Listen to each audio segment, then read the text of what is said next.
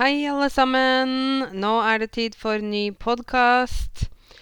Eh, den uka som var, eh, var det ganske mye som skjedde, egentlig. Eh, det startet jo kanskje med 8. mars, som var kvinnedagen. Um, det er jo en dag som blir feiret uh, i Norge, og den har blitt feiret i mange år. Uh, da er det um, alltid et sånn tog som akkurat som man går i 17. mai-tog, så går man i 8. mars-tog eh, i Oslo sentrum, og kanskje også flere byer rundt om i Norge. 8. mars er jo en dag for kvinner og kvinners rettigheter, på en måte. Altså for å ha fokus på det.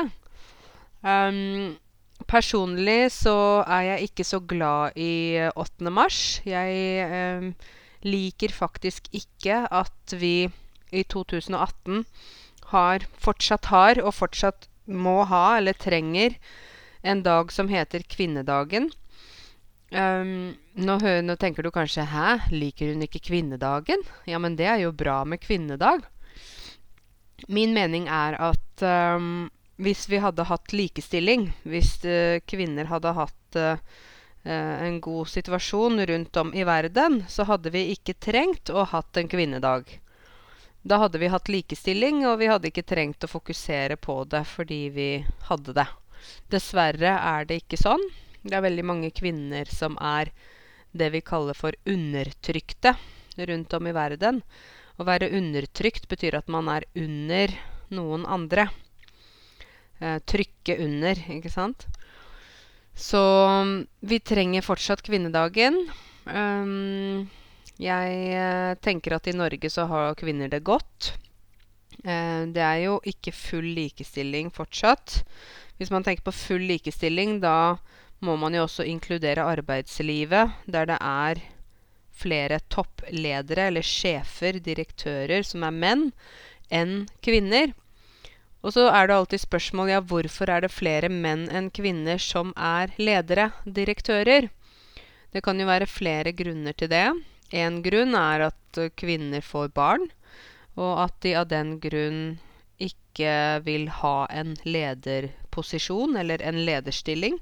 For da øh, vet de at det er mye ansvar, så hvis de da skal være hjemme i mammapermisjon, så vil det gå utover øh, de andre på jobben. Det vil påvirke de ansatte. En annen ting er jo, tror jeg, at kvinner ikke tar plass. Altså kvinner er kanskje litt reserverte eller tenker at de ikke kan være ledere, eller noe sånt. Um, så tror jeg menn, uh, når menn jobber, så jobber de litt mer med hodet, ikke så mye med hjertet. Mens kvinner kanskje har mer følelser involvert. Og at det da kan være vanskelig f.eks. å være diplomatisk hvis man skal være leder eller sjef. At man som kvinne kanskje kan bruke litt for mye følelser uh, i jobbsituasjonen, i jobbsammenheng. Dette er bare mine tanker. Altså, alle er jo forskjellige. Men uh, det er sånn jeg tenker, da, for hvorfor vi ikke har uh, så mange kvinnelige ledere rundt omkring. Jeg vet ikke hvordan dette er i deres hjemland, uh, men jeg tror da at i de fleste land så er det flest mannlige ledere.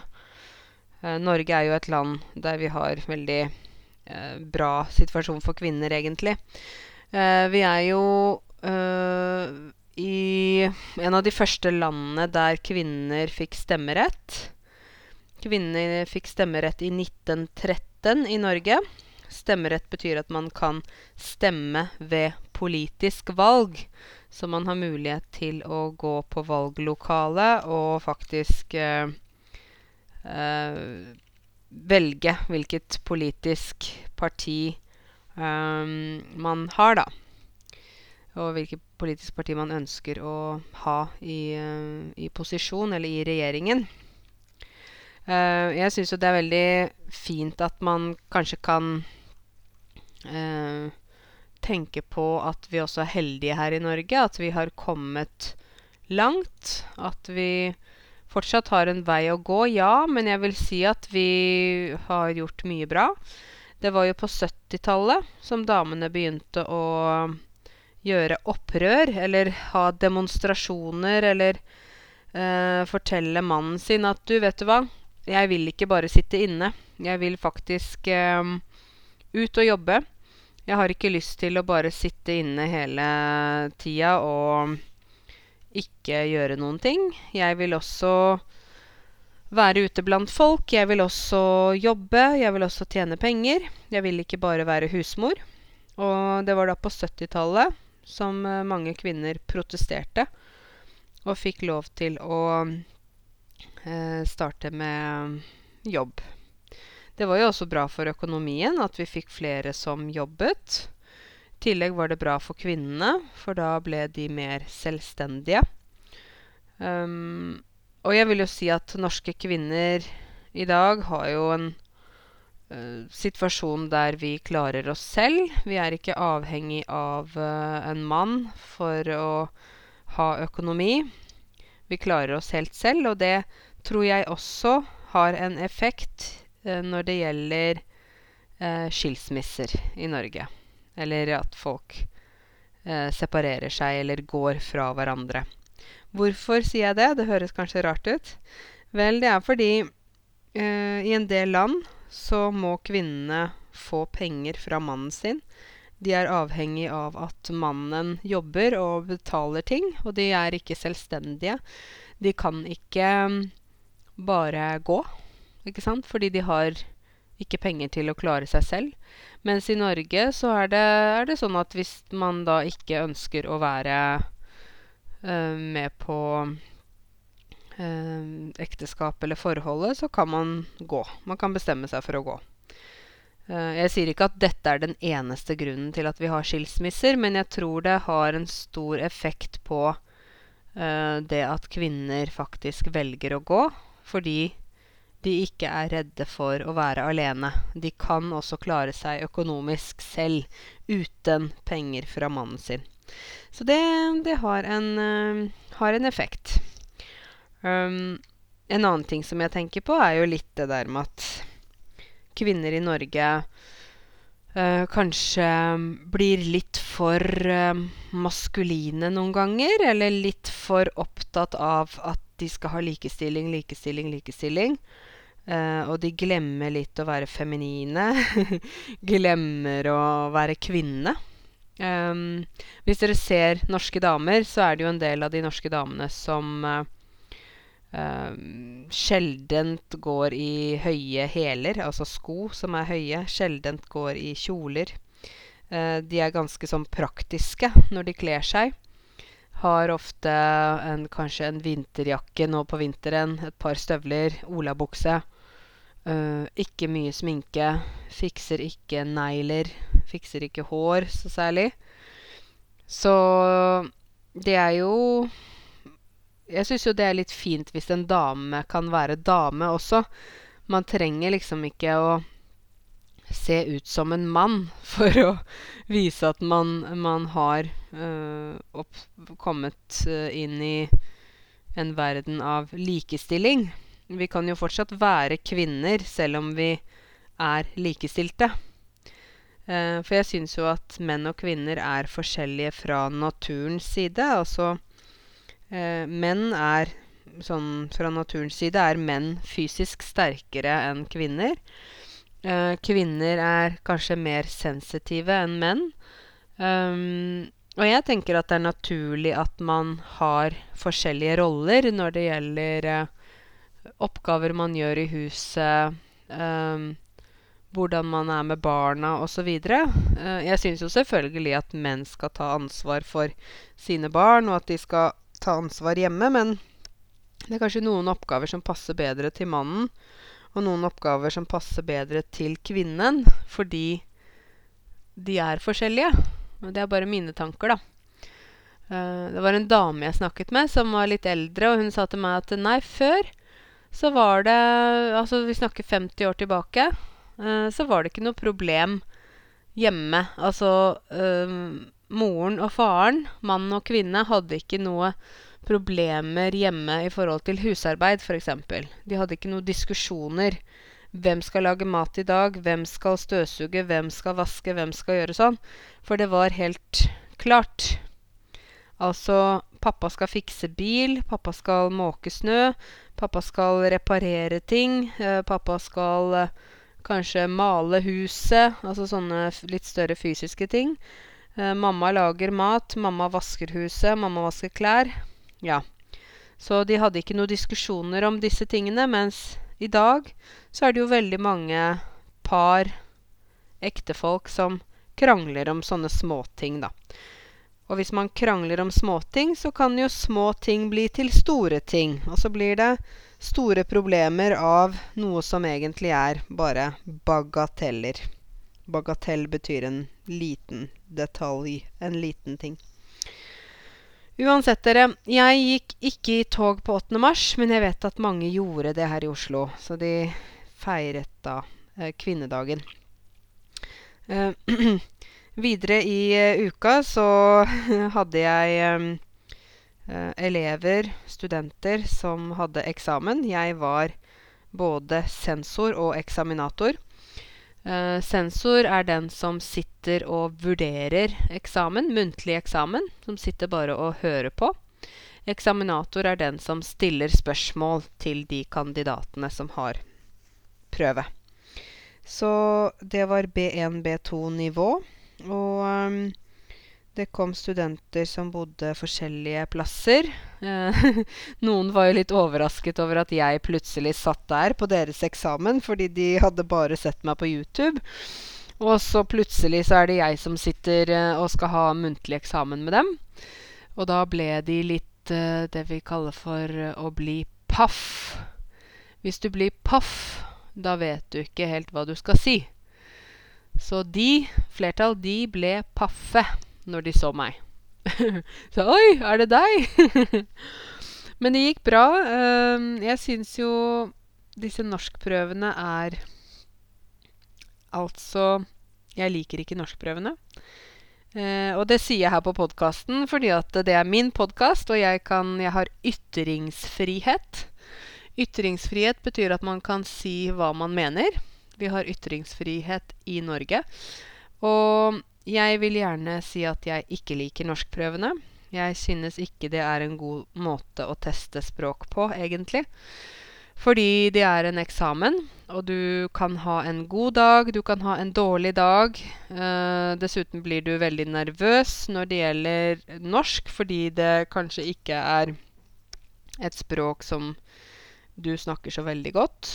Um, jeg ser at når de studentene nå hadde muntlig norskprøve, B1, B2, så var det mange som sitter og, og de er veldig stresset, de svetter, de vet ikke hvor de skal se. De skjelver på hendene. Og skjelve betyr at hånda, hånda di rister litt. Um, og så må jeg stille spørsmål, og så må de da svare. Og så ser jeg flere ganger at de kanskje egentlig kan snakke bedre enn det de gjør, men pga. at de er i en prøvetestsituasjon, så blir de veldig stresset, og noen ganger klarer de ikke si noen ting, selv om de egentlig kan snakke mye bedre. Og da tenker jeg at ja, her har vi norskprøve. Her skal vi prøve å finne ut hvilket nivå folk er på. Men så blir de så nervøse og stresset at de kanskje ikke klarer å si noen ting. Og da får de et lavt nivå. Men sannheten er egentlig at de har et høyere nivå. Uh, men pga. nervøsitet, pga. stress, så klarer de ikke å produsere det som de egentlig kan. Så jeg synes ikke disse norskprøvene viser hva dere egentlig kan. Noen ganger er det, kan være en oppgave ikke sant, som man får, som man ikke forstår. Man forstår kanskje veldig mye, men pga. den ene oppgaven så ser det ut som man ikke forstår noe i det hele tatt. Og så får man et dårlig nivå. Dårlig er kanskje dumt. Lavt nivå. Så ja. Jeg personlig liker ikke disse norskprøvene. Jeg synes de er dårlige. Jeg synes oppgavene er dårlige. Og jeg uh, føler med dere som har tatt norskprøvene. Å føle med noen Jeg føler med dere. At jeg føler liksom sympati, da. for deres frustrasjon, rett og slett. Um, når det gjelder uh, um, ellers i uka, så var jeg på noe veldig hyggelig på lørdag. Jeg har en veldig god venninne. Hun er norsk-pakistaner. Det betyr at hun er født i Norge, men foreldrene hennes uh, kommer fra Pakistan. Hun giftet seg på lørdag, og da var jeg med på bryllupet hennes, selvfølgelig, for hun er en nær venninne av meg. Så det var et pakistansk bryllup. Uh, det var litt annerledes enn norsk bryllup. Jeg har jo tidligere snakket om norsk bryllup og norske bryllupstradisjoner.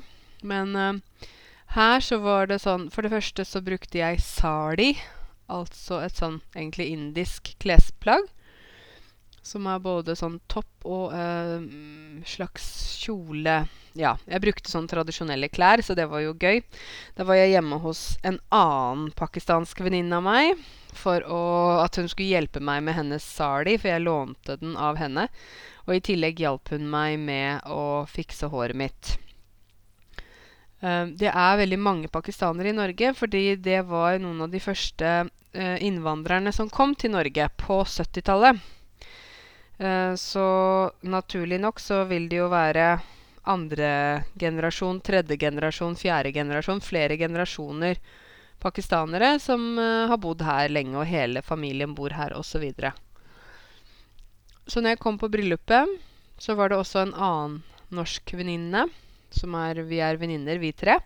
Hun var også der og hadde også på seg pakistanske klær. Og så uh, var bryllupet litt sånn uh, Først kom brudgommen. Det er altså mannen som gifter seg, kaller vi for brudgom. Deretter kom bruden. Hun dama som gifter seg, kaller vi for brud. Uh, og så var det uh, litt sånn tale og sånn, men de, de, satt veldig mye på en stol og ble tatt veldig mye bilder av hele tiden. Uh, jeg var jo klar for å danse. Jeg hadde tenkt til at jeg skulle danse sånn der indisk-pakistansk dans. Men det var ikke noe dans i det bryllupet, så jeg var litt skuffet, faktisk. Det er jo gøy å prøve å danse eller gjøre det som er tradisjonelt fra det landet, syns jeg i hvert fall, da, når, når, jeg først er på et sånt bryllup. Men uh, det ble ikke noe dansing. Det ble buffémat, altså pakistansk mat. Uh, ris, kylling, tikka, masala. Uh, litt sånn nanbrød. Egentlig kan man ikke si nanbrød, fordi nan på urdu betyr brød, så det var nan, ikke nanbrød. Samme som noen sier chai-te. Altså chai betyr jo te, så man kan ikke si chai-te, for da blir det te-te. så jeg spiste nan. Og så spiste jeg kikerter. Og jeg spiste da ikke kylling fordi jeg er vegetarianer, det vet dere. Så jeg spiste ikke noe med kjøtt. Men i Pakistan er det veldig populært med kjøtt, da. Så det var mye kjøtt der.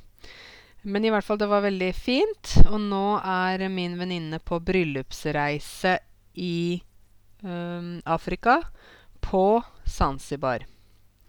Nå sa jeg i Afrika fordi Afrika er et kontinent. Og så sa jeg på Zanzibar fordi Zanzibar er en øy. Og de koser seg. Det er regntid der nå, så det er um, det er jo litt sånn regn og sånn, men hun syns det er helt ok. Hun er ikke så opptatt av uh, å ha veldig sterk sol, egentlig. Så de storkoser seg. Det sier vi. Storkose seg. Ikke bare å kose seg, men å storkose seg. Da koser man seg veldig, rett og slett. Uh, ja, og så um, det, var, uh, det var lørdagen. Det var en veldig fantastisk dag, altså. Det var veldig fint å se at hun nå er gift. Og hun hadde ikke hvit kjole. For i disse bryllupene så er det ikke vanlig å ha hvit kjole, men de, hun hadde rød kjole med mye gull.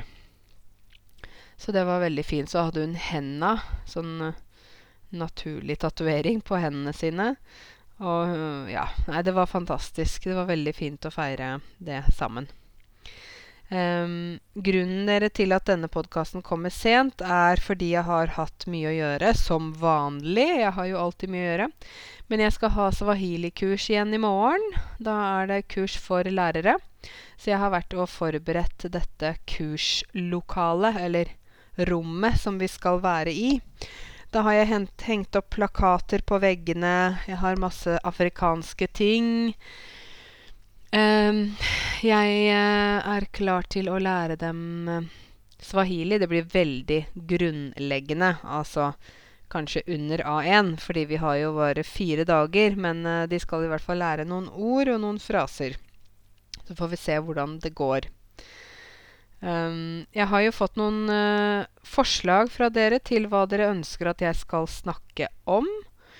Og det er jo interessant. Jeg syns det er veldig fint når jeg får e-poster fra dere, for da uh, får jeg tips til hva jeg kan snakke om, og ting dere lurer på. Og det er jo helt supert. Da tenker jeg at denne podkasten kan bli både nyttig og interessant for dere alle hvis jeg får informasjon om hva dere synes er viktig, eller hva dere lurer på. For når dere skriver til meg, da vil jo jeg gjerne hjelpe dere tilbake, ikke sant? Så det blir en vinn-vinn-situasjon. En vinn-vinn-situasjon betyr at begge parter vinner, på en måte. Jeg fikk spørsmål her um, fra en student som har vært mange ganger i Nord-Norge. Uh, og som sier at uh, han har sett mange hus med små lamper i vinduene, og synes det er hyggelig. Men spør da hvor kommer tradisjonen fra? For i Ungarn, der han kommer fra, i Ungarn, der ville gardinene vært igjen. Altså man lukker gardinene. Uh, og hvorfor er det sånn i Norge at vi har store vinduer? Vi har ikke gardinene igjen. Vi har vinduet åpent. Folk kan se inn i huset. Og du kan se at folk, det er folk hjemme. Du kan se at folk går rundt i stua si og sånn. Hvorfor er det sånn? Vel, uh, i Norge er det mørkt. Det vet dere. Det, på vinteren blir det mørkt veldig uh, tidlig. Uh, og derfor er vi avhengige av lys. At vi har tilgang på lys. For hvis huset vårt også er mørkt, med gardinene igjen, og det er mørkt ute, så blir alt mørkt. Det blir veldig uh, deprimerende. Og hvis vi da skal bare bruke taklamper, da uh, blir det et kunstig lys. Altså et lys som ikke er naturlig. Kunstig lys. Og det er ikke så bra for helsa. Og hvorfor har vi små lamper i vinduene? Vel, det er fordi vi synes det er koselig. Hva betyr koselig? Vel, dere, det er noe jeg skal lage en egen video om, tenkte jeg. Men koselig er i hvert fall at man har en god atmosfære, at man øh, øh, får sånn stemning. God stemning. Så ja. Um, Mm, det var rett og slett det. Så fikk jeg et, et, et, annet spørsmål av samme studenten. Norge er et vakkert land, men, no men, liker alle nordmenn å bo der? Kjenner du noen som ble født i Norge, men som har forlatt landet? Ikke bare for noen måneder, men for alltid. Vel, ja. Øh, Norge er et vakkert land, jeg er enig i det. Er det sånn at alle nordmenn liker å bo her? Nei. Uh, jeg tror at en del nordmenn har en drøm om å reise utenlands, eller bo i utlandet. Det virker litt sånn eksotisk og spennende når man kan bo i utlandet. Selv har jeg jo studert i utlandet og bodd i utlandet, så jeg vil si at det var veldig bra. Um, kjenner jeg noen nordmenn som har flyttet fra Norge og ikke kommet tilbake? Ja, det gjør jeg selvfølgelig. Um, jeg kjenner f.eks. en dame som uh, er sykepleier. Og hun reiste til Tanzania i Afrika for uh, å jobbe med et prosjekt. Men kom aldri tilbake. Altså, hun kom jo hjem på ferier, men hun um, hun uh, valgte å bo der, så hun bor der. Uh, og det er fordi hun liker livet der. Hun har blitt vant til livet der. Hun uh, synes at det er veldig mange ting som hun kan hjelpe til med. Så hun føler at hun kan gjøre en jobb som hjelper mange.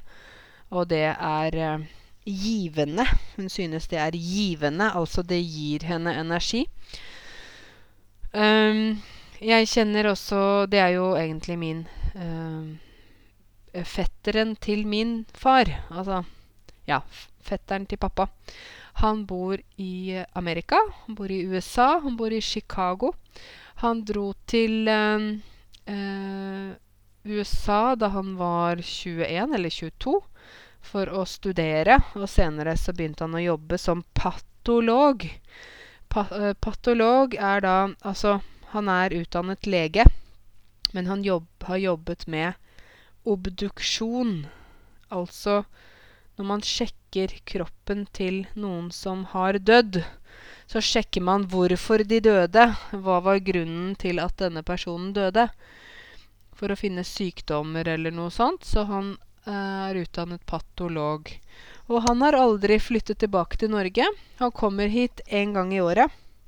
Og, eh, men han, han bor i USA og er på en måte blitt amerikansk på mange måter. Men eh, noe av det som uh, er litt interessant, det er når han kommer til Norge, så er det jo sånn at han forlot Norge. Han dro fra Norge da han var 20 år, 21, kanskje 22. Uh, og på den tiden så snakket folk annerledes enn hvordan de snakker i dag. Han uh, er Han mannen, som da heter Egil, han er jo nå litt over 80 år. Så det betyr at han har bodd i USA i 60 år. Ikke sant? Så den norsken som han snakker, det er jo den samme norsken som vi snakket i Norge for 60 år siden. så når jeg snakker med han, så føler jeg at jeg snakker med en person som kommer fra en annen tid. For han snakker litt penere. Han snakker litt mer høflig, litt mer um, hva skal jeg si? Han bruker ord som jeg ikke kjenner. Han, uh, har, han, Det er mange ord som han ikke kan, fordi det er nye ord som har kommet de siste 60 årene. ikke sant? Så det er litt sånn spesielt. Um, han skal komme hit i sommer igjen, tror jeg. Han er veldig flink til å besøke Norge. Og når han da besøker Norge, så besøker han familie og venner og reiser litt rundt osv. Han har det alltid veldig travelt når han kommer hjem igjen. Uh, så var det spørsmål da om nordmenn liker Norge, eller om noen har flytta. Og han har flytta fordi han følte at det var bedre jobbmuligheter for han i USA. Han følte at um, medisinen, vi kan si medisin som fag hadde kommet lengre, at det var lengre i utvikling. Og at uh, de hadde utviklet metoder og teknologier i USA som vi ennå ikke hadde i Norge. Um, jeg hører jo at uh, når jeg snakker med han, når han er på besøk her, så er han veldig opptatt av å uh, fortelle hvor bra USA er og hva som er dårlig med Norge. Det hører jeg veldig tydelig. Uh, og det er vel litt typisk, tror jeg, når man flytter til et nytt land. Uh, og hvis man bor der så lenge, så må man jo på en måte forsvare hvorfor man har valgt å flytte vekk. Og da blir man kanskje ganske patriotisk på den andre siden. Så jeg hører ofte at han sier nei, uff, her i Norge så Nei, dere gjør sånn og sånn, men i Amerika der er alt mye bedre og mye lettere, og taxiene kommer fortere, og man kan gjøre sånn og sånn. Og han kommer med mange eksempler da, på det at Norge er et dårlig land i forhold til USA. Og så blir jo jeg litt provosert, fordi jeg mener at uh, USA har veldig uh, mange store problemer. Um, som vi ikke har i Norge. Og jeg syns at vi har et system som fungerer godt for folk flest. Vi har jo et velferdssystem. Så kan vi sitte og diskutere da, ikke sant, frem og tilbake, men når alt kommer til alt Det betyr til slutt. Når alt kommer til alt, så er det jo din egen mening som er viktig. Fordi det er jo du som bor i det landet. Så hva andre folk mener, det er jo egentlig ikke så veldig viktig, tenker jeg, da. Det viktigste er at du er fornøyd med der du bor. Og hvis du ikke er fornøyd, så anbefaler jeg jo at du tenker om du skal flytte, eller om du kan prøve å gjøre noe med saken, da. Mm. Uh, og så hadde han ett spørsmål til. Jeg vet at i Norge er jo alt så dyrt. Hva er mer vanlig? Um, kjøper folk i Norge leiligheten eller huset sitt, eller leier de? Vel, eh, nordmenn eh, er veldig opptatt av bolig. Er veldig opptatt av hus. Jeg vet ikke om dere har lagt merke til det. Men hvis du snakker med noen nordmenn, så begynner de å spørre deg Ja, hvor kommer du fra? Å ja, ok. Hvor bor du? Så svarer du på det. Så spør de deg hvorfor kom du til Norge, ikke sant? Må du svare på det. Og så spør de ja, bor du i leilighet eller hus, eller Og så svarer du på det. Og så begynner de å si ja, leier du, eller eier du, eller Så begynner de sånn. Uh, og det gjør de fordi at uh, for oss så er det en måte å ha en samtale på. Det er også en måte å uh, kartlegge, finne ut litt hvem du er sosialt. Hvilken sosial status har du? Eller hvor på på Hvilket nivå er du, da, i det norske samfunnet? Så jeg syns at vi er litt for opptatt av dette her. Det er litt sånn Det blir for mye, men, men det er veldig viktig da i Norge. Um, jeg syns at um, vi um, Altså, kanskje noe av grunnen til at vi er så opptatt av bolig, er fordi uh, vi har hatt uh, mye fattigdom her før. Altså, nå snakker jeg ikke om nå, men jeg snakker om før.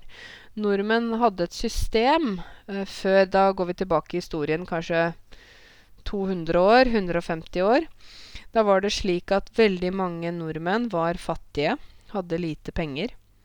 Og uh, det de gjorde da, var at de De fikk lov til å bo på en bondegård eller i et hus som de ikke eide. Da var det en storbonde, altså en mann, som eide flere hus, flere gårder, mye land, mye natur, mye skog, som hadde dette huset. Da kunne den familien bo der gratis, men de måtte jobbe for denne mannen når denne mannen ville. Så hvis han sa nei, dere må jobbe nå, dere må gjøre sånn og sånn, da måtte de bare akseptere det, fordi de bodde i hans hus. Og etter hvert når vi begynte å få litt mer penger og litt bedre råd Å ha råd til noe betyr at man har nok penger. Når vi begynte å få bedre råd, da var det veldig mange som var opptatt av å kjøpe egen bolig. Slik at de slapp å bo hos noen som skulle bestemme når man kunne øh, jobbe, og når man ikke skulle jobbe. Dessuten så var det etter krigen slik at vi hadde en babyboom her i Norge. Babyboom, det er jo engelsk ord. Det betyr at vi får veldig mange babyer, rett og slett. Og da ville de at um, mange ville gjerne ha egen bolig. Og så bygde vi mange boliger fordi det var bolignød. Bolignød betyr at uh, det ikke er nok boliger. Det er for mange mennesker og for få boliger. Og da fikk folk mulighet til å ta et lite lån, slik at de kunne da kjøpe disse nye leilighetene som ble bygget. Og så ser vi på leiligheter og hus som en slags investering, en ekstra kapital, en sikkerhet. Vi føler oss trygge når vi eier en eh, leilighet eller et hus, fordi Prisen på leilighet og hus går alltid oppover. Eh, hvis du kjøper en bil, så går jo prisen nedover, ikke sant? Mens en bolig vil alltid øke i verdi. Når den øker i verdi, det betyr at prisen går opp, og den blir dyrere, og du får mer penger når du selger eh, boligen din. Eh, så derfor er det veldig viktig for oss å eie leilighet eller eie bolig. Vi snakker mye om det. Um, her i Oslo, som jeg bor, så er det jo veldig mye dyrere å kjøpe leilighet enn det er andre steder rundt om i Norge. Oslo er vel det stedet med høyest boligpris. Um, og det er jo fordi det er hovedstaden, først og fremst. Men også fordi veldig mange ønsker å bo i Oslo. Eh, jeg kjøpte jo min første leilighet i 2010, og det var en leilighet som lå på Tøyen, på østkanten av Oslo. Eh, da husker jeg at jeg var på visning, og moren min var med meg. For hun ville også gjerne se sammen med meg. Eh, Og da var jeg på mange forskjellige visninger, mange forskjellige leiligheter. Men til slutt så fant jeg en uh, leilighet der det ikke var så mange som uh, bydde på. Altså det var ikke så mange som bydde eller bød på den leiligheten, så jeg fikk kjøpt den til takst. Å kjøpe noe til takst betyr at uh, man kjøper uh, det til den prisen som det står i katalogen, da, eller i prospektet, som det heter. Uh, så da fikk jeg kjøpt den. det var jeg veldig fornøyd med. Og så senere så har jeg da solgte jeg den i 2013. Og så kjøpte jeg en tomannsbolig et annet sted i Oslo. Og det gjorde jeg eh, fordi jeg kunne få mer for pengene dersom jeg flyttet litt ut av sentrum.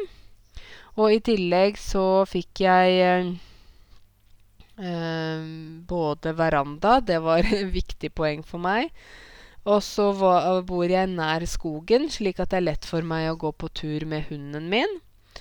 Uh, og så var det nær jobben min, der jeg jobbet før. Så jeg hadde kort vei til jobben. Ja, det var mange fordeler, egentlig. Så um, jeg er veldig glad for å bo der jeg bor nå. Jeg har nok plass. Uh, så jeg klager ikke. Uh, jeg har også blitt kjent med flere folk i området der jeg bor, så jeg syns det er veldig hyggelig når man kjenner naboene, kjenner noen folk, og man kan si hei til hverandre. Det er litt sånn Man føler seg mer hjemme, da. Så jeg syns det er helt topp. Um, jeg ville ikke bodd et annet sted i Norge, tror jeg, fordi jeg er så glad i å reise. Så hvis jeg skal bo langt unna flyplassen, så blir det liksom fort veldig vanskelig. Så da syns jeg det er lettere å bo nært, da. Um, apropos reise. Apropos. Apropos det er vel, Jeg vet ikke hvor det ordet kommer fra. Apropos er kanskje fransk. Apropos. Apropos betyr 'når vi snakker om'. Så apropos reise, eh, så har jeg nå bestilt billetter til påskeferie. Jeg skal reise sammen med en venninne. Vi skal reise til Qatar som ligger i Midtøsten. Og da skal vi være først i Doha i tre dager. Og ha, gå på shopping og, og, sånne ting. Og deretter reiser vi til Zanzibar. Og som mange av dere vet, så har jo jeg bodd på Zanzibar før, så det er ikke noe sånn um, Det er ikke et nytt sted for meg, men jeg er veldig glad i å reise tilbake dit, da. Uh, og så skal vi da bare slappe av, kose oss, uh, skal besøke gamle venner. Jeg skal få snakket swahili, det er jeg veldig glad i. Så det blir bare veldig Egentlig veldig ok. Og så um, kommer jeg tilbake da etter, etter påsken. Men jeg syns det er så deilig å reise, og det er Jeg skal reise med Qatar Airways, og jeg syns at Qatar Airways er fantastisk. Det er god kvalitet. Det er um, service. De gir deg god mat. De gir deg litt um, Liksom ekstra service, da. Så for meg så er det sånn at jeg har reist mye i mitt liv. Og jeg føler meg ferdig med å reise dårlig, på en dårlig måte. Altså med å reise med dårlige fly, dårlig service, dårlig Ja det blir ikke noe hyggelig opplevelse hvis man får så dårlig service fra folk. Og da syns jeg det er mye bedre at, uh, at, jeg kan ha det bra, ha det komfortabelt, uh, og heller nyte ferien. Å nyte noe betyr at man virkelig koser seg. F.eks. hvis man spiser en uh, deilig middag, så sier man mm, Å, jeg nyter maten.